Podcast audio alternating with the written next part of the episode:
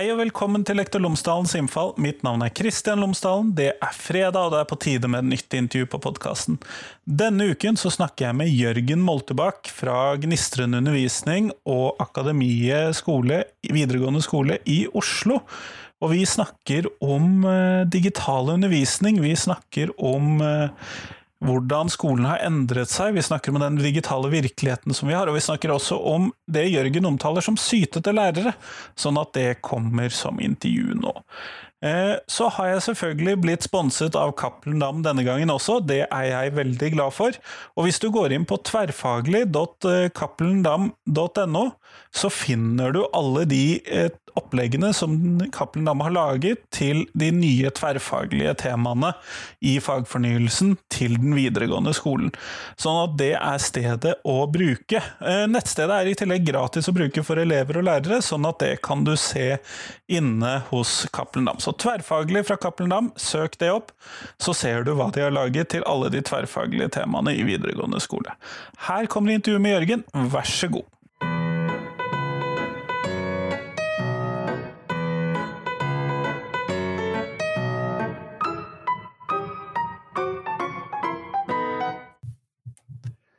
Jørgen Moltebakk, velkommen tilbake på podkasten. Tusen takk, Kristian. Så hyggelig å bli invitert. Du har jo vært med før, men jeg vil gjerne at du forteller lytterne mine tre ting om deg selv, for de som ikke kjenner deg allerede. Ja, øh, tre ting. Ja, jeg skulle sjekka hva jeg sa forrige gang. Det, jeg husker fra den gangen, er at det var sånn skikkelig varmt, og at vi satt på kjøkkenet vårt midt. holdt jeg på å si. Du var der, og vi drakk isvann. Uh, tre ting om meg selv. Det første som faller meg inn akkurat nå, er at jeg bor alene og er singel. det er egentlig to ting, men det definerer ganske mye av livet mitt for tiden. Den, eh, sånn er det vel for alle, hvis det er én ting. Og så har jeg to barn som har flytta hjemmefra. To døtre på 20 og 22. Eh, så det kan være den andre tingen. Og den tredje tingen, da, er det noe du lurer på? Er det liksom et spørsmål som henger i luften? Nei, egentlig ikke. Nei, Hva bruker du å gjøre det på fritiden nå? Ja, nei, det, er, det blir mye kajakk, da. det blir kajakkpadling og improteater. Det er så mye det det går i. Nettopp, nettopp. Og vi skal i hvert fall komme innom litt det siste, kanskje, i løpet av dagen i dag. Men eh, hvordan den skolehverdagen som vi har nå, som er relativt digital, hvordan er den slik du forstår den? Hvordan eh, er den nye digitale virkeligheten i skolen? Kjempestort spørsmål. og øh, Det ene med den nye digitale virkeligheten er jo at det er, øh, det er, ikke, det er ikke, noe som er ferdig. Det er liksom ikke noe som er beskrevet et sted. Det er ikke en bok du kan slå opp i og si sånn er det. Det er mer en sånn prosess hvor det er veldig mange mennesker, både lærere og skoleledere og elever, som prøver seg fram. Øh, og tester ut nye måter å kommunisere på, nye måter å jobbe på, nye måter å, å lære på. Og det er en, en, liksom en massiv læringsprosess tenker jeg, som pågår sånn gigantisk eh, skoleutviklingsprosjekt som alle er med på. Det aner meg jo at vi kommer til å se en del nye sånne didaktikk- og pedagogikkbøker om eh, fem år som prøver å ta for seg noe av dette. Ja, helt sikkert. Men jeg tror også at, og, og ikke for å skyte min egen business i, i beina, jeg skriver jo bøker, men jeg, jeg, tror også at veldig mye av læringen ikke nødvendigvis skjer i den tradisjonelle boka. Jeg tror nok at bøkene fortsetter å være der, men at veldig mye læring skjer i læringsfellesskap der lærere eh, deler erfaringer seg imellom på Nå er det jo Facebook-grupper og andre, andre, grupper, sånn at vi, mm, at vi, eh, lærer på den måten. Altså, eh, man, skolen har jo alltid vært hva skal vi kalle det, litt tilfeldig, i den forstand at man har drevet med veldig mye forskjellig på veldig mange måter. men tror du at denne tilfeldigheten kan ha økt i løpet av denne digitale virkeligheten?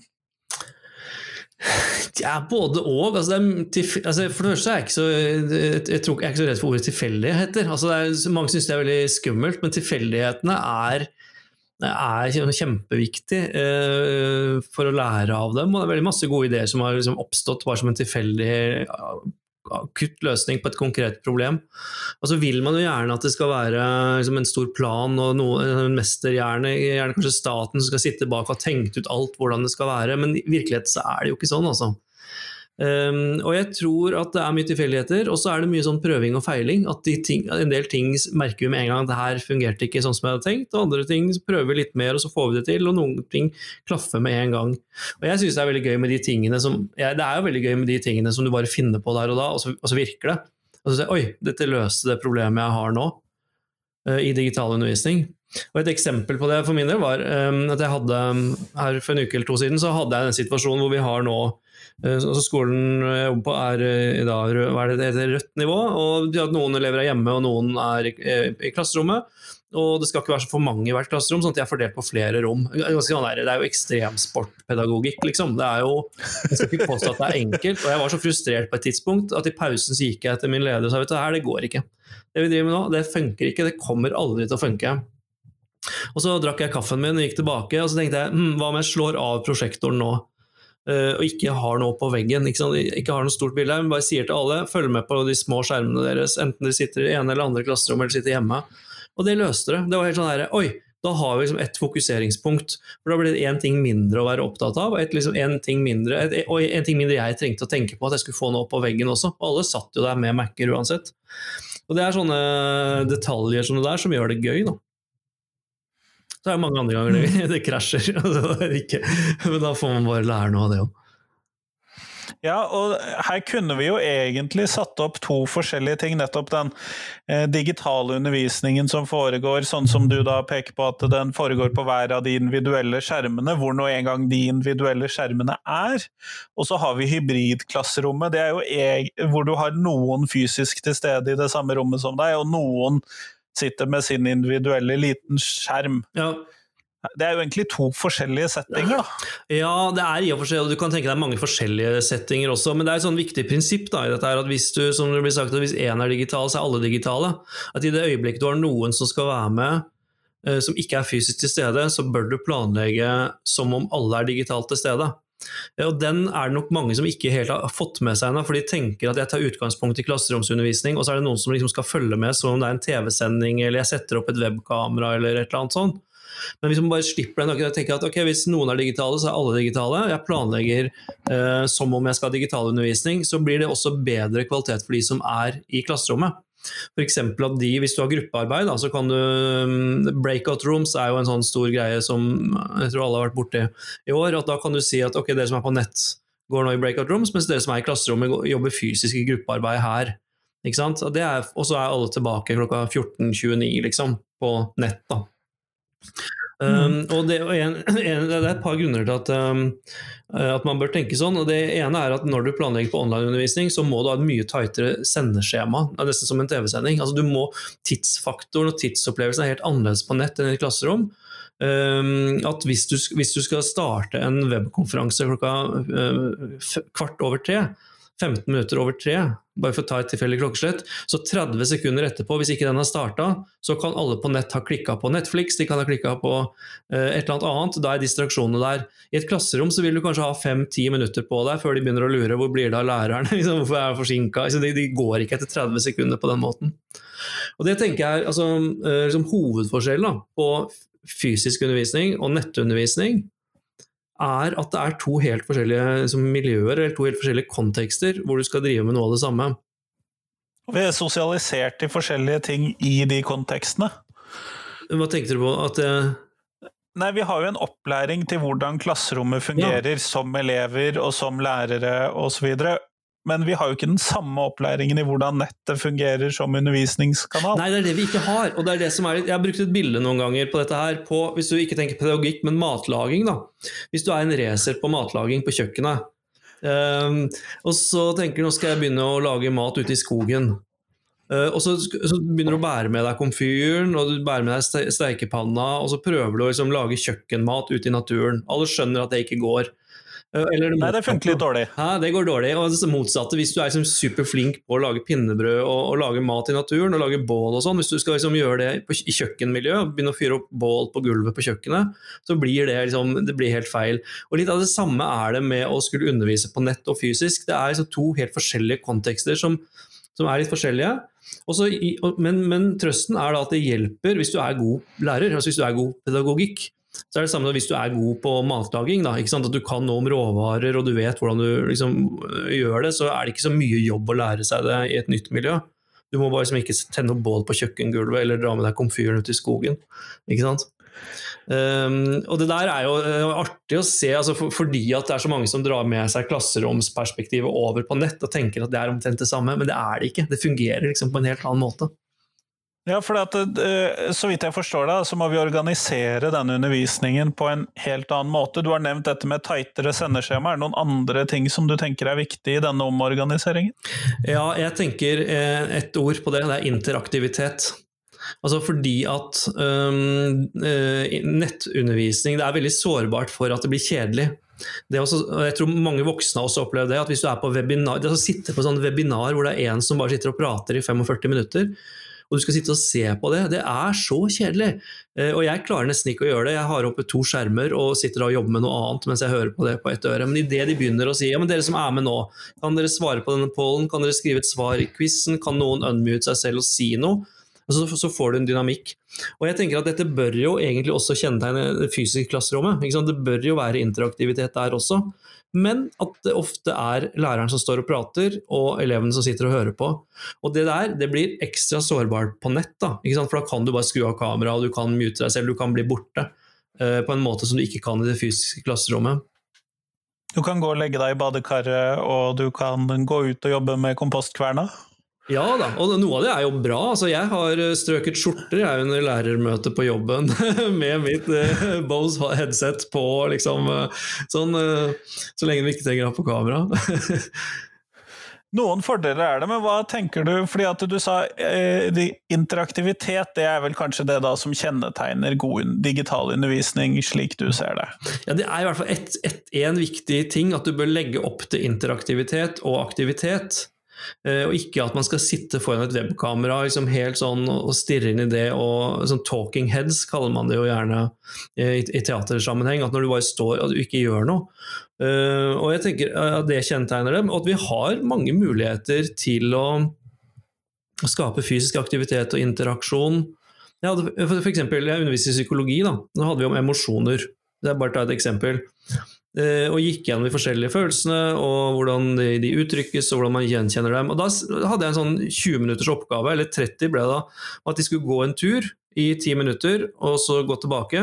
Og så se hvor mange følelsesuttrykk um, så de i fjesene til andre. Og så sa jeg, og Hvis dere hold, ser så lenge at det blir en blikkveksling, se om det forandrer seg når blikket møtes. Så kom de tilbake, og så skulle de skrive litt om det, og så diskuterte vi det. Og Det gjorde de jo uansett om de hadde utgangspunkt fra klasserommet eller fra soverommet sitt, eller uansett hvor de satt, så var det en fysisk aktivitet de kunne gjøre. Og Det det krevde, er jo som jeg sier, en sånn sendeskjema eller en kjøreplan, sånn de vet at de må være online igjen på minutta, altså når alle skal være samla igjen.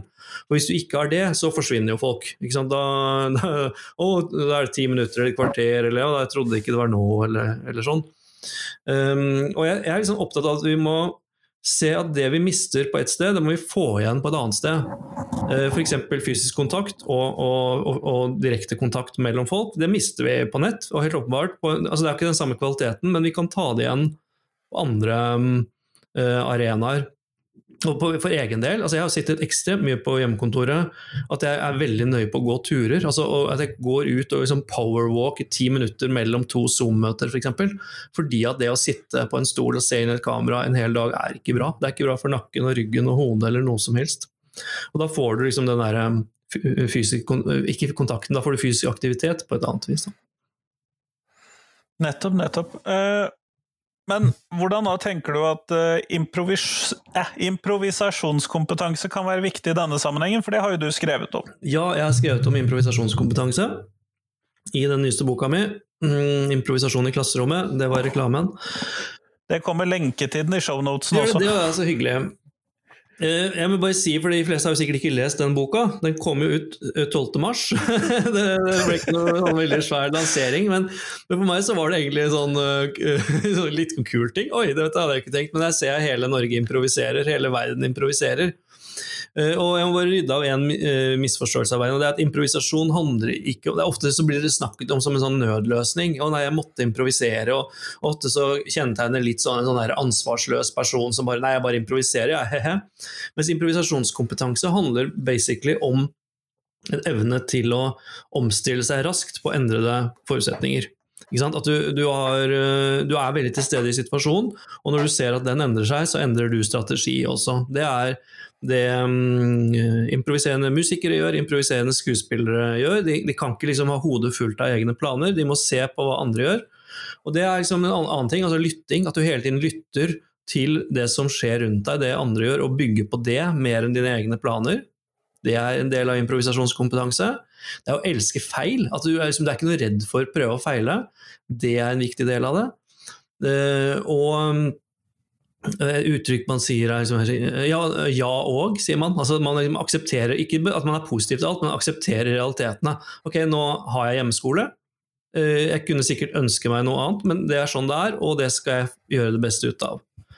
Og Det siste punktet på improvisasjonskompetanse, det er, altså, øh, som jeg tenker å nevne nå, i hvert fall, det er mye annet, men det er at du kan se at alt er gaver. Altså at du bare tenker at øh, ting som skjer, kan brukes til noe. De kan, øh, de kan, åpne opp for et eller annet. Og For min del så er det, det er liksom viktig å understreke at det er liksom ikke, ikke sånn der, oh, alt er så positivt, og se, det, er, det er ikke sånn gladpositivitet at du, liksom, alt er greit, alt er bra. Eh, for det er lov å bli skuffa og sint og lei seg, men, men det er ikke noe poeng å bli sittende fast i det. Og jeg har tenkt på det, altså jeg diskuterte en del i siste. Altså, er 2020 et bra år? Alt, alt, i alt? Er det lov å spørre om det? Er, det? Mm, er, det? noe som kan være gaver her? Og jeg tenker f.eks. en sånn ting som i mars, da når boka mi skulle komme ut, og jeg i løpet av to dager så mistet jeg alle oppdrag og kurs og alt, alt jeg skulle leve av de neste månedene, i tillegg til lærerjobben. da. Jeg hadde til og med gått ned i veldig liten stilling i lærerjobben eh, i vinter for å virkelig satse på egen virksomhet. Eh, og så er jo spørsmålet, Selvfølgelig blir man skuffa og sint og redd og lei seg, og alt det, men så får man riste av det og se altså, hvilke muligheter ligger, dette, ligger, i dette. Hvilke muligheter? Og For meg så var det jo helt åpenbart. Jo, men jeg har jo nå i årevis tenkt at nå må jeg få opp en online-kursvirksomhet. Nå må jeg liksom få til det. Så 2020 skal bli året hvor jeg liksom lærer meg å undervise digitalt og online, både med elever og kurs og sånn, tenkte jeg.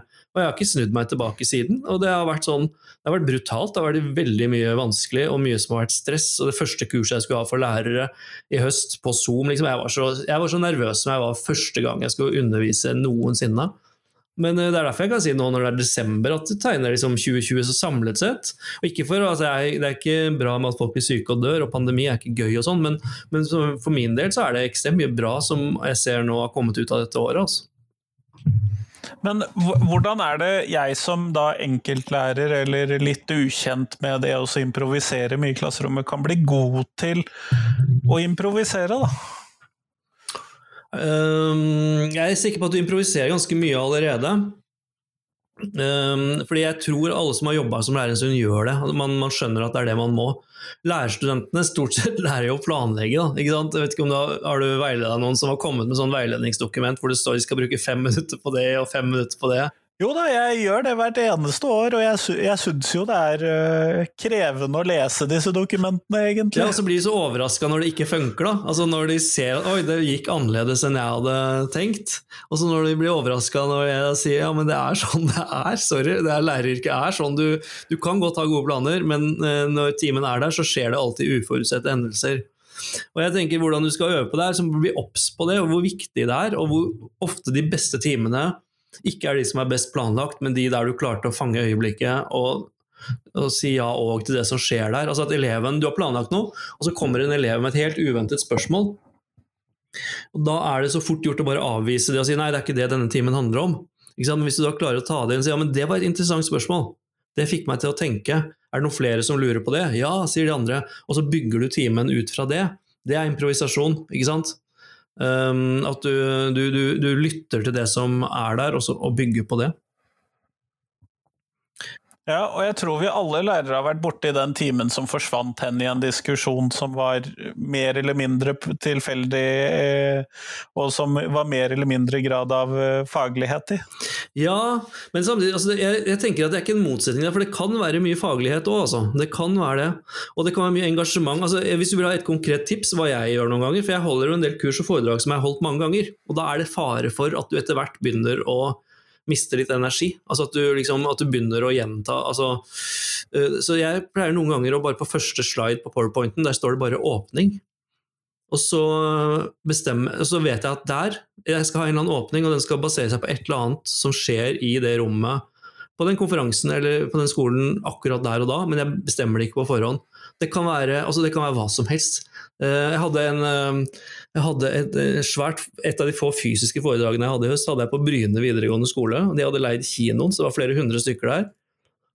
Ikke sant? Fort gjort å bli litt uh, nervøs av det. Men da hadde jeg også en sånn der åpning der, at jeg skal bruke et eller annet. Og det som var så morsomt, da kom de inn én etter én med uh, sånne innpakkede bagetter og en liten jusboks. Uh, og det så så morsomt ut, da. så jeg spurte noen av dem på veien er dette her liksom frivillig. Eller? Nei, det ble delt ut til oss på forhånd. Og da ble det en sånn greie at jeg bare sa så utrolig søte dere er som sitter her og, og suger sugerør med juice og spiser bagetter og sånn. og det, det, er sånn, det kunne jeg ikke planlagt, men det ble, for meg føltes veldig riktig. Bare, det er det som er her nå, uh, sier det. Det ble litt latter i salen, og så var man i gang. Nettopp. Men med tanke på det du nå sier om improvisasjonskompetanse, og det du sier om denne endringene som må til for å lage god undervisning, så kan jeg jo se for meg at det blir veldig vanskelig for den, eller de lærerne som som regel bruker mye foredrag og holder lange sånne foredrag og fyller en relativt stor andel av timene sine med sånne litt sånn foredragslæreren da, fra kateteret, at det blir vanskelig for den? Ja, det tror jeg. ja. Jeg tror, eh, jeg tror, og dette er jo mer og mer av jo eldre elevene er, og det, det virker jo som mange i universitets- og høyskolesektoren sliter med det. Der, der hvor forelesningen står veldig eh, sterkt. Og jeg har også merka det da, på konferanser for voksne. For det har vært sånn spennende. Liksom, for meg er det sånn 50-50 av oppdragsgivere som bare sa vi bare avlyser alt og kommer tilbake i 2021, og de som andre halvparten sa vi skal prøve å gjøre det digitalt, vi vet ikke hvordan, men vi prøver.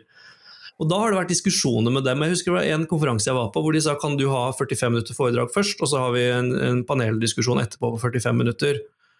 Og Da sa jeg at dette her gjelder jo voksne òg, det gjelder media. At jeg syns det blir lenge å snakke én vei. Jeg kan få det til, men jeg syns det er bedre om vi i stedet for har en liten runde med panelet ca. hvert tolvte minutt. Ikke sant? For å få litt dynamikk. At jeg kan sjekke inn med dem. Hva tenker dere? Gir dette mening for dere? Um, og sånn. Um, så um, så kan du si at ja, men skal man ikke skal man ikke bare insistere på at jeg, jeg, 45 minutter forelesning det bør folk være i stand til å lytte til? ikke sant? Det er jo noen som har den holdningen, at det her er en del av dannelsen, og du skal det. Og dem om det. Jeg tenker at jeg er opptatt av å finne ut hva som funker.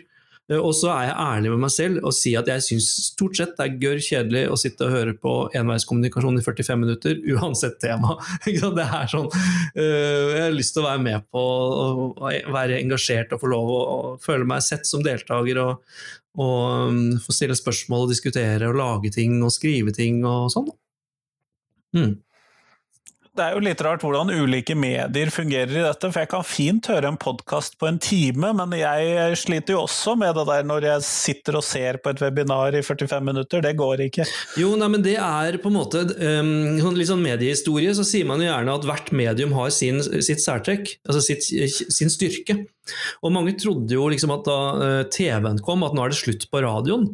Det var liksom å nei, nå kommer alle radioer til å bli lagt ned. Og det var jo ikke tilfellet, fordi at forskjellen på radio og TV er at radio, eller altså podkast, det, eh, det, kan du multitaske med, det kan du gjøre andre ting med. Ikke sant? Du kan uh, høre på en podkast samtidig som du stryker skjorter eller kjører bil eller går tur eller lufter bikkja. Det kan du ikke med TV. Den, må, den, krever oppmerksomheten din på en helt annen måte. Og Det er litt det samme hvis du da bruker internett som TV. Altså at Dette er noe du skal sitte og se på. Um, så, så, så, krasjer det helt. Da. Um, og, tenker, og, det er også en sånn diskusjon skal man filme undervisningen eller ikke. Jeg mener at det, det, det går ikke an å filme undervisning. Hvis en undervisning skal bestå av diskusjoner og gruppeoppgaver og lesing og skriving og quizer og alt mulig. Og det kan du liksom ikke sette opp et kamera og fange opp. Det krever deltakelse, engasjement og innlevelse. Og det krever ofte langt bedre utstyr hvis du skal faktisk få med deg det som skjer i rommet, enn det som de fleste arbeidsgiverne våre er villige til å gi oss, tror jeg. Ja, og så er det noe med at en, en TV-produksjon er en veldig sånn teknisk krevende ting å få til å være bra. Og at du skal være sånn enmannsorkester som rigger opp kamera og mikrofon og Altså, jeg syns det er akkurat passe en, komplisert nok hjemme på mitt eget hjemmekontor, hvor jeg har brukt masse tid på utstyr og rigge opp sånn at jeg får det til der, og skulle rigge opp et klasserom til en TV-produksjon og ta den ned igjen etterpå, det er helt håpløst. Altså, det må man bare ikke Det er ikke sånn det funker. Jeg hører jo noen sånne tydelige advarsler til hva skal vi kalle det, sjefsgruppen ute i det store Skole-Norge i det du sier. ok, hva da? Nei, dette her med hvilken list skal man legge seg på, skal vi legge oss på at vi filmer disse undervisningene, hva krever det faktisk, da? Ja, men, ja, men altså, det handler noe om, om, en forståelse for hva man driver med. At det kan være en sånn der enkel tanke og ja, hvis vi setter opp et kamera så filmer undervisningen, at man må sette seg inn i hva, hva er det som fungerer og ikke. Og jeg, jeg bruker mye film. Jeg bruker mye både live og i opptak, og sånn, men ikke det å sette opp et kamera i klasserom og filme en lærer som snakker i 45 minutter. Det blir litt sånn som jeg husker på 90-tallet. Det var en som hadde kjøpt seg videokamera og så hadde lyst til å filme at han skulle på fjelltur. Og så hadde han liksom festa kameraet oppå ryggsekken så han hadde fire timer med humpete altså Du kan tenke deg hvordan den filmen var. Ikke sant? Eh, det er ikke sånn du filmer en fjelltur, det blir en veldig dårlig film. Eh, og litt sånn er det med, med altså, Vi skulle filme undervisningen. Altså, hvem som orker å sitte og se på et kornete bilde, to timers kornete bilde? Ja. Eh, men, Nei, jeg, jeg, ser problemstillingen. Men, men, altså, jeg har brukt mye, mye video, og det, er på en måte, det var også en sånn der nødløsning. Og det var lenge før dette her begynte, det var et, et år siden at jeg begynte å filme forelesningene mine, og da litt sånn kort variant, ti minutter kanskje. Um, fordi jeg hadde en klasse med, med, elever med veldig stort faglig sprik. Og jeg, tenk, og jeg, tenkte for de som sliter med dette, her, er det fint å ha en liten sånn kort versjon på video i tillegg. Og så viste det seg at uh, de, de, som, de, flinkeste digget jo dette like mye. De satte filmen på dobbel hastighet, og så var de ferdig med lærerforelesning. Og så, og så satt de og leste og gjorde oppgave resten av timen. Og det er jeg aldri i mine uh, nå 15 år som lærer fått en sånn positiv respons fra elever på noe som helst som de videoene. Og jeg sitter og ser på youtubere, 22-åringer som lever av dette her, og ser hvor flinke de er på effektiv formidling, og prøver å lære noe av det. Um, og da og, og, og, for meg, Noen ganger så tar jeg sånn opptak, tre tagninger. da, hvis, I hvert fall hvis det er et faglig stoff som jeg ikke er helt trygg på. at Den første tagningen er 22 minutter, og så skjønner jeg at nå nølte jeg og mumla litt. og Så blir neste tagning 15 minutter, og så siste tagning er 9 minutter. Ikke sant? Uh, og, den, og, det kule som bieffekt av det er jo at når jeg da, hvis jeg har gjort dette før timen, og går til klasserommet og kjører også en fysisk forelesning, så er den mye tightere. Altså Den er mye mer poeng til poenget uh, enn det det ville vært, fordi jeg rett og slett har øvd. da. Mm. Og det gjør vi jo kanskje ikke så mye i praksis, uh, i hvert fall ikke når vi har fått noen år på bena. Nei, og det er så morsomt, for det var et sitat jeg kom over da jeg skrev improvisasjon i klasserommet, som er sånn fritt etter hukommelsen, som er at i, i didaktisk tradisjon så er forberedelse til undervisning oftest knyttet til planlegging og ikke til øving. Ikke sant? Og jeg har gjort det, jeg har stilt det spørsmålet noen ganger eh, når jeg er rundt eh, med lærere. Sånn, hvor mange øver til timen? Bare, nei, øve til timen men, men, det er noe å hente med. Altså, vi har elever som har vokst opp med ekstremt effektiv formidling. altså YouTube-generasjon, De er vant til at de kan lære hva som helst av folk som snakker på tre-fire minutter på YouTube. Uh, og, og, jeg tenker at det å lære noe av det, og så se hvordan kan vi bli mer presise og kjappere i, i, formidlingen. Og det handler om å øve en gang eller to før man går på, da. sånn som alle skuespillere og musikere og alle gjør. Nettopp, nettopp, nettopp. Eh, men i det siste så har jeg jo sett på Facebook, for vi er jo på en del av de samme gruppene, og vi er, jo venn med deg på Facebook og ser jo hva du skriver på veggen osv., og, så videre, og det har jo vært en sånn det virker som at du er litt frustrert over det du omtaler som sytete lærere. Eh, hvorfor tenker du at de er det? Ja, jeg gjør det. Og det, er og, um, det, det var når boblen brast. Eh, nei, for Jeg har opplevd altså, at det er noen lærere som er sånn sytete og klagete. Det syns jeg det alltid har vært uh, på alle, alle, skolene jeg har jobba. Sånn, og det er litt sånn som å Det er som til å leve med det. Altså, for noen så er det bare en sjargong. Det er litt som å at det står på en radio med litt sånn sur trekkspillmusikk et eller annet sted. Du bare ignorerer den. ikke sant? Den er, okay, den er en, jeg aksepterer at det er, sånn er det, og det. Men, uh, uh, sorry hvis jeg nå krenker trekkspillfolket, derfor er jeg sur trekkspillmusikk. Uh, men så er det hvis den lyden der bare blir høyere og mer dominerende, at, på et eller annet tidspunkt så må du, må du si ifra. Og det er det jeg syns har skjedd nå i år, og det er mye i media, at det er veldig mye sånn saker om lærere som, som syns det er vanskelig. Også, eller en ting er vanskelig, men så klager f.eks. til myndighetene over ting som de kan gjøre noe med selv. Da. Og også i, på Facebook og, og, sånn. Så derfor skrev jeg en bloggpost um, Som vel da 'Tid for å skape, ikke for å syte' er overskriften jeg valgte. Fordi jeg mener at hvis vi fokuserer på nå og ser muligheter og skape god undervisning, så er det det vi trenger å bruke energien på. Og, og jeg synes også at de, det er titusenvis av lærere som faktisk gjør det. At de stemmene bør høres også, ikke bare stemmene til de som sier 'huffa meg' og 'huffa meg'. Eh, her er så stygt som fy. For å ta en litterær referanse fra Kardemommeby. Uh, si noe av det jeg har blitt møtt med, da, er jo en del ting, folk som sier ja, men kan du ikke ha forståelse for at folk syns det er vanskelig? Jo, absolutt. Jeg, jeg, absolutt. Jeg, og, jeg, og jeg har syntes det selv. Jeg syns dette året her har vært på mange måter knalltøft selv. Eh, sånn fra dag til dag. Ikke sant? Um, men, men, det er noe med å, at du har et valg på hva du vil fokusere på. da. Um, og, og, så er det noen som har sagt ja, men husk at det er noen som bare ikke De har ikke noen bakgrunn fra digital uh, undervisning fra før, og for dem er det vanskelig. Og jeg, jeg skjønner det òg, altså. Uh, men da tenker jeg at det å liksom prøve å komme seg i en eller annen modus der du prøver å, å, å tørre å feile, da. Og tenker at ja, ja, men det er ingen som har fasiten. Det er greit å feile, det er greit å prøve på ting nå som ikke nødvendigvis er så perfekt. Det er sikkert mange som er kjempeflinke og vant til å være veldig flinke, og sånn Apropos improvisasjonskompetanse, det med å akseptere feil. Man, hvis, det tenker jeg, Hvis du ikke er vant til å tenke at det er helt greit at ting går dårlig, så er nok dette sikkert ekstra tøff. For det er mye som er dårlig når man er i en læringsprosess. Ja, vi har jo mange år på baken, eller i hvert fall veldig mange lærere har en del år hvor de liksom har stått og gjort det samme. Kanskje de har forandret innholdet i undervisning, men det har lignet på den undervisningen de gjorde i fjor, da.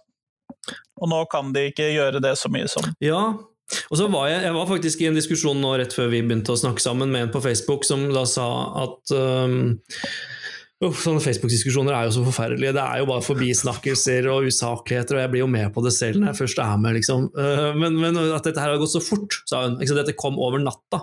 Og da bare tok jeg en sånn historisk gjennomgang for henne. At min videregående skole der jeg var elev, hadde PC-stue i 1991. Eh, jeg lærte HTML-koding det første i 1995, og da jeg begynte å jobbe som lærer eh, i 2007, så hadde alle elevene en bærbar PC i sånne PC-skap ute i gangen. Så har ikke, altså digitaliseringen har ikke skjedd over natta. Har, det, har tatt, det, har tatt, 30 år, liksom. Um, og jeg tenker det er mange som på en måte har Veldig mange lærere øh, hadde et godt utgangspunkt i mars på å ta dette siste skrittet ut til å, å virkelig skape noe helt nytt, altså. Mm, men når du da tenker at vi skal skape, hva er det vi skal skape i denne sammenhengen? God undervisning. Det er det, det, eneste målet jeg har hele tiden, er hvordan kan jeg skape en undervisning som er bedre i morgen enn den jeg hadde i dag. Um, uh, og det der også, også de der um, læringsøyeblikkene når du plutselig Å ja, nå knakk jeg en kode. Uh, dette her er jo bra for noen elever som, ikke har, som ikke har hatt det bra før, f.eks. Eller her er det en måte å jobbe med det faget på som jeg ikke har sett før. Ehm, det er det som gir, gir meg mest energi. Ehm, men, for å være der, så må du også tåle at det er vanskelig underveis. Det er liksom sånn som elevene hele tiden må tåle at de ikke får til ting. Uh, hvis de skal være i en læringsprosess, så må lærerne også tåle det, at det er vanskelig, uh, og vi er på, på, vei mot et eller annet. Da. så det, det, er, det, er, målet mitt. Vi må lære noe nytt. Ja, altså være i en læringsprosess, rett og slett. Eh, og Det var det ene ting jeg skrev til han, eh, han læreren som hadde det vanskelig i den bloggposten min. at det han beskriver, Den frustrasjonen han beskriver, er jo den frustrasjonen det er å være i en læringsprosess. At du er mellom det du allerede kan og det du ennå ikke kan. Det er et eh, frustrerende sted å være. Men hvis du liksom trener deg opp til å være i det, så finner du nye løsninger. Da finner du jo hele tiden nye veier um, som, som, bringer deg videre på et eller annet vis. Da. Mm. Eh, vi går mot slutten av podkastintervjuet, og da skal jeg selvfølgelig stille deg det spørsmålet som jeg stiller alle jeg intervjuer for tiden. Eh, og hva er de tre viktigste tingene skolen lærer elevene? De tre viktigste tingene skolen lærer elevene jeg er liksom litt i tvil om hva jeg skal si, hva som er det, eller hva som burde være det. Eh, men jeg kan kanskje velge litt der. Jeg tenker altså basisen er Jeg slår sammen hva det er og hva det burde være. Så får, vi, får, man, får den enkelte vurdere om, de, om vi syns vi er der. Jeg tenker For det første så er det respekt for hverandre. Respekt, for, respekt, respekt, respekt. Altså for annerledes tenkende, for andre mennesker, um, for hverandre. Um, og så tenker jeg at uh, punkt to um, at mennesker og alt har en verdi i seg selv. Vi er liksom ikke vi, driver ikke på skolen fordi at vi skal først og fremst forberede oss til noe som skjer om 10 eller 20 år. Vi, vi er her fordi det har verdi i seg selv å være her nå. Det vi jobber med her og nå, um, er, er viktig. Um, um, og, uh, og, det tredje må da være kanskje dette her med at uh, vi skal tåle um, at det er vanskelig å tåle at det er, er feil, og at ting er ufullkomment og, og, og uperfekt. Uh, for det er livet, og, og, sånn er det å være i en læring. Det handler liksom ikke om å prestere. Alt handler ikke om å prestere, at alt skal være så flinkt og alt skal være så bra. Det ble 25 ting da, pakka inn i tre kullpunkter, men jo, litt sånn som de nye læreplanene. ja, takk. Nei, men Kjempeflott. Tusen takk for at du tok deg tid til meg i dag. Du, takk skal du ha.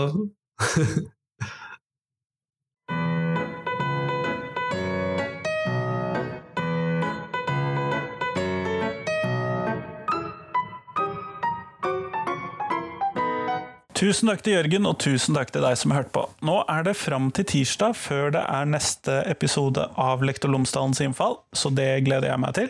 I mellomtiden så håper jeg at du kan gå inn på Instagram, Twitter eller en av Facebook-gruppene som jeg vanligvis deler i, eller på Facebook-siden til Lektor Lomsdalen og så finne det som da er Tenketorsdag-posten som kom i går. Da stilte jeg spørsmålet når skal man begynne med seksualitetsundervisning? Og så vil jeg gjerne vite hva du tenker. Så skriv gjerne til meg, del med meg, så finner vi ut hva Litt mer om hva Norge og lytterskaren min og norske lærere osv. mener om dette. Så det håper jeg du kan gjøre. Ellers, del gjerne podkasten min med noen som eh, du tror vil sette pris på den. Det blir jeg veldig glad for. Nå skal jeg også snart øh, lodde ut en uh, kopp til de som deler podkasten min med noen, så det satser jeg på at blir bra. Men i hvert fall, fram til tirsdag, ha en god helg. Hei, hei!